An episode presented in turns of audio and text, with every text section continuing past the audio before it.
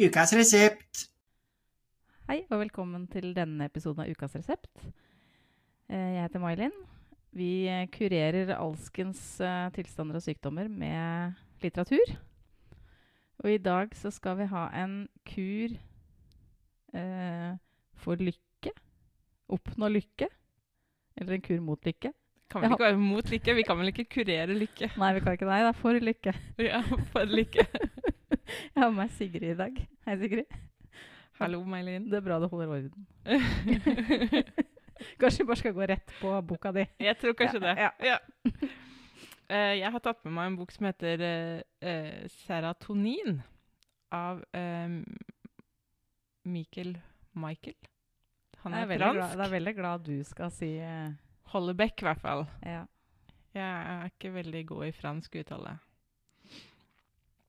Nei, jeg skal ikke prøve meg heller. Jeg hadde tysk, på skolen. Liksom i andre enden man skal. Michelle, kanskje? Hvem vet? Ja, i hvert fall eh, boka 'Serotonin'. Eh, som kanskje noen vet, så er jo da serotonin det er jo et signalstoff i kroppen. Eh, man antar at serotonin er viktig for regulering av kroppstemperatur, humør, søvn, oppkast? Seksualitet og appetitt. Lave mengder serotonin kan være årsaken til bl.a. klinisk depresjon, migrene, tinnitus, fibromyalgi, bipolar lidelse, tvangslidelser og angstlidelser, har jeg funnet. I alle dager. Ja, Så det er sånn superstoff på et vis? på et vis. Og det finnes altså i hjernen og i tarmen. Kan man, har du sjekka veldig? Kan man tilføre det hvis man har for lite? på en måte? Det er jo det lykkepiller er, eller eh, Ja, det er eh, ja. ja. ja. Eller jeg sier lykkepiller, men altså Ja. ja. Dette handler om en mann som heter Florent Claude Labroust. Han er uh, i midten av 40-årene. Han er agronom med jobb i Landbruksdepartementet. Og han er i et uh, rimelig kjærlighetsløst uh, samboerforhold. Det er nærmest fiendtlig. Uh, med en 20 år yngre japansk dame. Men de lever litt De bor jo sammen, men de lever litt sånn hver sine liv. Og boka begynner at han, med at han er på sommerhus. Um, og hun skal komme, og han gruer seg egentlig. ja, det er jo Det høres jo sunt ut. Eh, ikke veldig. Nei. Og han er egentlig en ganske sånn selvopptatt og usympatisk fyr. Han virker på ingen måte lykkelig. Nei. Um, han lurer litt på hva han skal gjøre da, med denne, dette livet sitt og denne kjæresten sin, og, eller samboeren sin. Uh, han vurderer litt å ta livet av henne, men ombestemmer seg. uh, og bestemmer seg for å forsvinne. Han har nemlig sett et program om folk som eh, frivillig forsvinner. Så han sier opp leiligheta si, han eh, sier opp jobben, og han bytter bank, og han gjør alt det nødvendige for Mm. egentlig å kunne forsvinne. Og en morgen så lister han seg usett ut av leiligheta og flytter inn på et hotell. Altså Her snakker vi konfliktskyhet på høyt nivå, liksom. Ja, jeg tenker jo egentlig første jeg tenkte var at han er jo så feig. Ja. Veldig. Tenk at det er den enkleste løs eller altså den beste løsningen du kunne finne. Ja, ikke sant? det er helt sprøtt. Um, og på dette hotellet så gjør han egentlig ingenting. Han uh, lette jo lenge da, etter å finne et hotell hvor det var lov å røyke. Det var tydeligvis det viktigste. Jeg har sett eh, noen bilder av eh, forfatteren røykende også, så det kan være. Kanskje det er viktig for han å få lov å røyke på hotell. Ja. Uh, han får en slags rutine på en måte. Han liksom spiser på de samme stedene og går en liten tur hver morgen og sånn, men ellers så bare gjør han ingenting. Um, etter hvert så merker han jo at han ikke orker å gjøre noen ting heller. Han orker jo ikke å dusje eller vaske seg, eller, ja. så han skjønner jo at noen er, noe er galt, at noe må gjøres. Så han, til, eh, han finner seg en lege, en meget spesiell lege, som skriver ut da antidepressiva til ham. Um, denne antidepressivaen uh, den har jo diverse bivirkninger, og en av de er at uh, han blir impotent. Og det er jo Han virker ikke så veldig lei seg over det på en måte, men samtidig så er han veldig opptatt av sex, da. Ja. Og det har jeg etter hvert skjønt, etter å ha snakket med andre, at forfatteren også er. på en måte. Eller personene i bøkene hans er ofte litt sånn opptatt av sex, da. Ja. Uh, men Florent Claude tar da en slags uh, lang avskjedsturné. Han reiser rundt, og han oppsøker kvinner han tidligere har hatt et forhold til. Kvinner som på et tidspunkt har gjort ham lykkelige, da. Eh, selv kaller han det en avskjedsseremoni for pikken. Eh, men det kommer jo også da ganske tydelig fram da på denne reisen at han er jo ekstremt ensom. Ja. Han har ingen familie. Begge foreldrene har tatt livet av seg samtidig. Åh, ja. Eh, han har jo da ingen Ikke noe egentlig kontakt med noen av disse gamle kjærestene. Og han har kun én venn. Uh, og det er en mann som heter Aymerik, som han er, ble kjent med under studietiden. Men de møtes veldig sjelden, og med mange års mellomrom. Men uh, Hollebekk er tidligere um, fått mye ros fordi at han skriver om uh, samfunnet og klarer å ta liksom, samfunnet litt på kornet. Uh, og dette her er også en politisk roman, på sett og vis. Uh, og han skriver om de franske bøndenes kamp, og spesielt melkebøndenes kamp, mot stadig synkende melkepriser og et EU som åpner for import, og stadig høyere selvmordsrater blant fortvilte bønder. Ja. Denne boken ble jo utgitt i 2019, og jeg har lest, prøvd å liksom nøste opp litt rundt, rundt dette her. Um, og det viste seg at den kom jo da tre år etter at franske bønder blokkerte veier og angrep supermarkeder i protest mot synkende landbruks, eh, landbruksinntekter. Uh, men den ble også utgitt omtrent samtidig med et nytt opprør eh, blant de franske bøndene.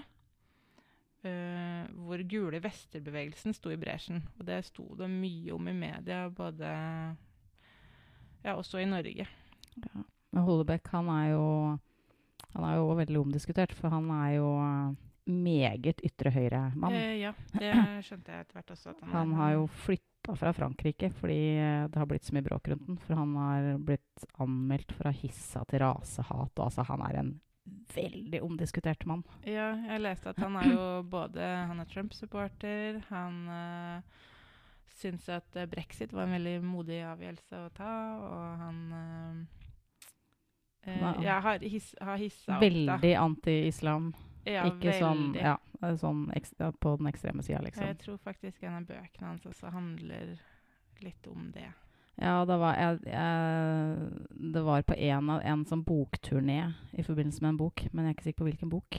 Ja, det var Eh, nok da- ikke denne. Da, nei, det var ikke den, tror jeg. Men da brukte han turneen, tror jeg, aktivt til å forfekte sitt uh, høyreekstreme syn, liksom. Og Ja. på å snakke stygt om uh, muslimer. Så han flytta, han flytta jo til Irland, Og så videre til så Spania. videre til Spania. Ja. Mm. Men han, han er jo fortsatt en veldig populær forfatter, da. ja, han var kjempepopulær. Jeg leste nå at uh, denne boka, 'Serotonin', den uh, solgte nesten 800 000 eksemplarer den første uka. Jeg tenker på det. Ja. Det det liksom- er jo en interessant bok. Ja. Men det er jo òg litt sånn interessant, da, sånn uh, hvis liksom Ja, hva Når skiller man forfatter og verk, på en måte? Jeg hadde en diskusjon her en dag med, om Harry Potter. Ja. Eh, eh, og hun har jo liksom fått Altså ja, Jeg veit jo om ungdommer som eh, boikotter bøkene hennes, liksom, og er Hun er jo ja, er liksom ikke Ja, det har ødelagt veldig mye for henne, da. Mens det virker som Holbecks er ikke så farlig. Hamsun, da. Ja, nei. Men det jeg snakket, for Vi tok opp Hamsun, men så var det liksom sånn, fordi det var gamle dager, så i gamle dager var det andre regler, på en måte. Og han er død. At det liksom Ja. eh, Så selv om det var feil å være nazist selvfølgelig da òg, så er det på en måte Mm. Altså verden var en annen enn den er nå. ja. Mens Solbeck lever i verden vår nå. ja. Og uh, sier ting som ikke egentlig er godtatt av allmennheten, på en måte. Nei. Men de tingene kommer jo ikke opp her. Nei, nei da. Eh, fordi jeg syns det var en veldig interessant bok. Uh, og selv om det ikke er så veldig mye lykke som er beskrevet i denne boka her, så føler jeg meg lykkelig etterpå, da. For at, Kanskje det var det som var meningen. for at jeg har jo liksom venner og familie og Ja, jeg har det jo i forhold til han eh, stakkars mannen her eh, egentlig veldig bra. Det er litt sånn artig tittel, med tanke på at eh, det er vel kanskje Hovedpersonen mangler vel kanskje serotonin, vil man tro, da. Ja, han får det jo via den antidepressivaen sin, da. Ja. Og det blir jo liksom nevnt noen ganger. Um, eller ganske ofte, faktisk, den derre um, pillen han tar, da. Um, jeg husker ikke hva den heter akkurat nå. Nei. Som alle sånne ting, så har den et veldig sånn medisinsk navn med en X på slutten. Ja. Um, men um, den har også, Jeg har lest noen anmeldelser og blitt skrevet som en slags kjærlighetsbok òg. Fordi han snakker mye om disse gamle flammene, og spesielt en eh, dame da, som var liksom den store kjærligheten. Um, Men hvor han egentlig ødela alt selv. Ja.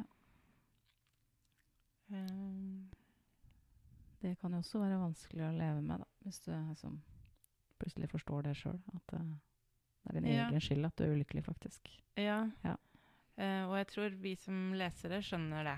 Mm. At han har ødelagt for seg selv, både med tanke på henne, men også fordi at han er så ehm, Han er så usympatisk. Han har liksom Det virker ikke som han liker noen, egentlig. Altså Han eh, ja, snakker ikke så veldig pent om andre. Nei. Hvem er den boka for, tenker du? Var den sånn ganske lettlest, eller? Jeg, ser litt, jeg har ikke lest noe annet, det er jo litt flaut Den er ikke sånn superlettlest, nei. Nei, for jeg ser liksom for meg at, han, at det er litt sånn litt vanskeligere tilgjengelig enn Ja. det aller enkleste, liksom. ja. uh, men den fløt veldig godt for det. Ja. Uh, men det er Det er kanskje ikke strandbok, liksom. Nei. Um, jeg trengte litt ro rundt meg uh, for å lese den, men også for å nyte den, på en måte, for han skriver så godt. Mm. Ehm, Så for en sånn innehelg med litt dårlig vær, da. ja. Ja. ja. Mm. Mm. Og ungene hos besteforeldre, ja. Eller noe sånt. Eller noe sånt. Ja, jeg husker den var jo Den fikk jo veldig gode kritikker når den kom. Og jeg tenkte at det sto på leselista, og så var det venteliste på biblioteket ganske lenge. Mm. Og så blei det liksom ikke noe av, for det, det kom så mange andre bøker òg, da. Ja, ikke sant? Ja. Nei da, men den er eh, Jeg likte den. Ja. Mm, absolutt. Får deg til å tenke litt. Ja. Mm. Jeg har med meg noe helt annet, jeg. Ja. Eh, jeg skulle jo egentlig ha en annen bok, og så fant vi ut at den hadde vi jo ikke på biblioteket. så det var litt sånn strek i regninga. Men uh, jeg har tatt med meg uh, en bok som heter 'Plantebonanza'. Lev og lykkes med grønne planter. Av en mann som heter Anders Røyneberg. Og så har han skrevet den i samarbeid med Erik Skjerven. Og de var jo her tidligere i vinter. Eh, ja. Altså, Ja, tida var- går helt i surr. Det var en av de periodene hvor det, var, nyåret, ja, hvor det var Mm. lov å ha arrangementer en liten periode. Mm. Var litt, mer, eller litt mindre restriksjoner. Um, og han Anders han kaller seg altså Arctic Gardener på Instagram. Uh, legger ut mye fint på Instagram, egentlig. Mm. Uh, Anders, som er hovedforfatter, han er utdanna agronom. Og så har han videreutdanna seg til terapeut og har jobbbakgrunn som psykiatrisk sykepleier og sexolog. Så det er det han liksom jobber med sånn. Til daglig. Og så har han da en stor interesse for planter. Ehm, Og så har han gitt ut en bok tidligere som het 'Plantelykke', som jo var den jeg skulle ha. For det var jo lykketittelen, til og med. men, uh, men den her er like bra, egentlig. Eller den er Ja, den kan sidestilles, liksom. Uh, de her to forfatterne, de er uh, samboere. Kjærester og samboere. De har Når de møttes, så bodde de Eller de flytta sammen først i en bitte liten leilighet i Oslo. Eh, og det er bilder derfra i den forrige boka, og det var mye planter på lite plass. sånn at det er ikke sånn Det er jo ikke Man kan ha planter selv om man har veldig lite plass. Men de har flytta til et småbruk på Hadeland for å kunne dyrke denne planteinteressen enda mer enn de kunne i en leilighet. De reiser rundt og holder foredrag. Eh, og den boka som jeg har lest nå, den baserer seg mye på tilbakemeldinger og samtaler de har hatt med folk rundt omkring i Norge. Hva folk lurer på, hva folk er opptatt av. Og så har de samla det og lagd en uh, veldig fin bok. Jeg vet ikke åssen er det med deg og planter, Sigrid? Jeg har en litt sånn uh, voksende interesse. ja, for jeg har det. I hvert fall akkurat nå på våren, med litt sånn tomatplanter som står i potter på kjøkkenet. Mm. Og sånn, og jeg har til og med klart å holde liv i de her i stua gjennom hele vinteren, og det er et stort, stor fremgang. ja. ja. Jeg har hatt som siste ja, kanskje fire-fem åra eller noe sånt. Så har jeg liksom kjøpt meg én og én ny plante. Jeg har tenkt at jeg må ta én om gangen, da. For jeg har vært sånn som jeg har, jeg har drept veldig mye planter opp igjennom. Mm. Uh, for alle planter må ha vann, viser det seg. Uh, men jeg klarer ikke kaktuser heller, fordi de, de, skal ha for lite vann. Vann. Ja. Så jeg har liksom tenkt litt sånn Jeg har aldri lest noen plantebøker før. Eller, for jeg, sånn, jeg får litt sånn prestasjonsangst. Den boka her, og den ser jo helt sånn på forsida, ikke sant. Det ser jo så perfekt ut. Mm. Uh, og så tenker jeg at herregud, jeg kan jo ikke Kommer jo aldri dit, liksom. Nei. Og det er, ikke, det er ikke på mitt nivå i det hele tatt. Men uh, den boka er veldig nedpå og matnyttig. Det er liksom alt uh, fra uh, A til Å. Det er sånn Hvilke planter bør stå i vinduet? Og hvilke planter bør ikke stå i vinduet? Og i så fall hvilket vindu? Sånn i forhold til om det er nord, sør, øst eller vest, og hvor mye lys det er. Og sommer og vinter. Det står mye om vanning, om gjødsel. Og da, da, er det sånn helt grunnleggende. Bør du vanne fra toppen eller fra bunnen? Hvilke Oi. planter bør du vanne fra bunnen eventuelt? Hvordan kan du lage selvvanning på sommeren? Eh, sånn helt, helt basic, liksom. Når skal du gjødsle? Tremolanen. Uh, ja. Jeg har, uh, ja, har jeg, jeg, har ikke lest hele den, men jeg har lest veldig mye den andre. Og jeg ser det er, mye, det er en del av de samme tingene, liksom. Bare mm. at den her er tjukkere, så her er det nok mer, går mer inn i det enn i den plantelykkeboka. Og så er det litt andre ting òg.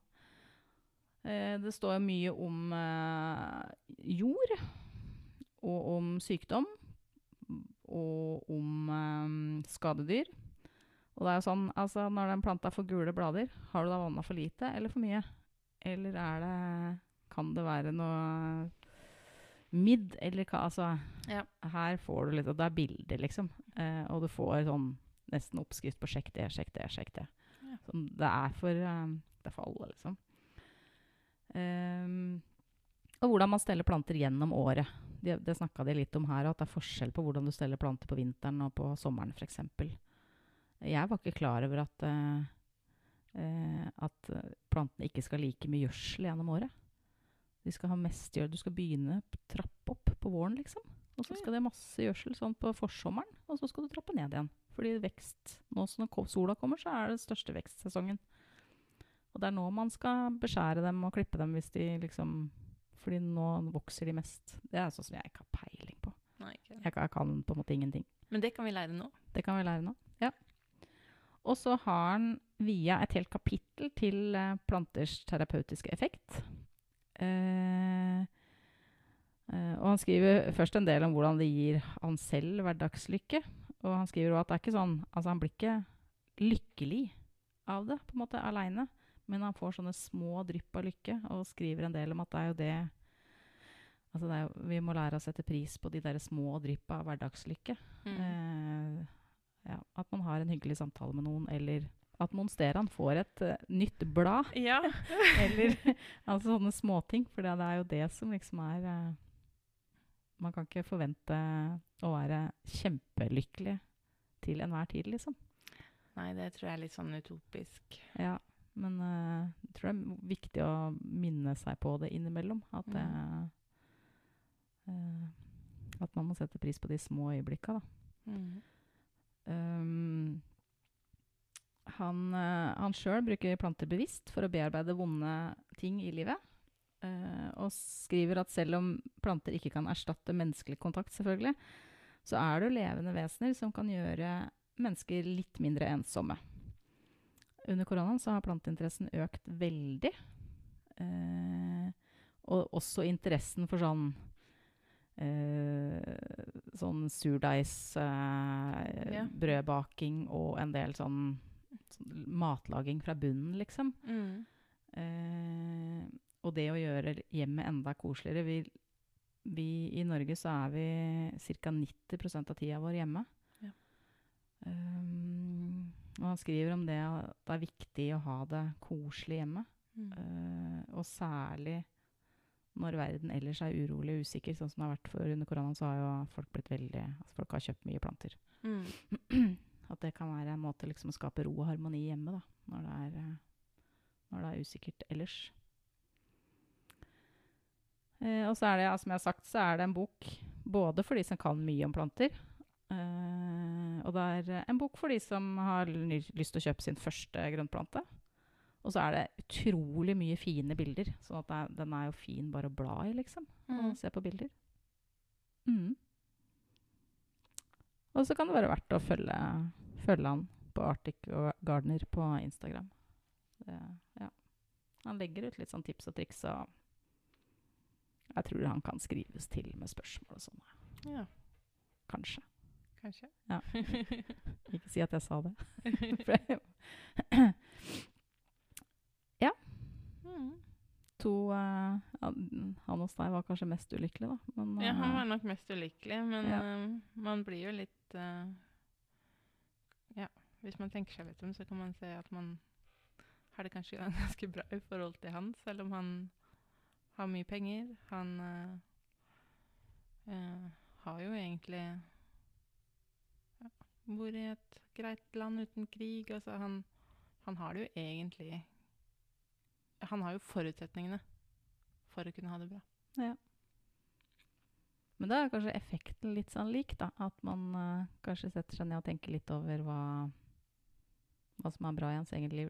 Ens eget liv Mm. Både i din og i min, Mm. liksom. At det, det er jo bra ting.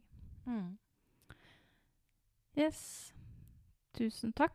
Kanskje du kan si en gang til uh, hvilken bok du hadde? Den heter da også serotonin, eh, samme som eh, dette da, som blir kalt for lykkehormonet. Og den er skrevet av Mikkel Hollebeck. Og jeg hadde med meg 'Plantebonanza' av Erik Skjerven. Takk, Sigrid. Takk skal du ha. Ha det bra. Ha det godt.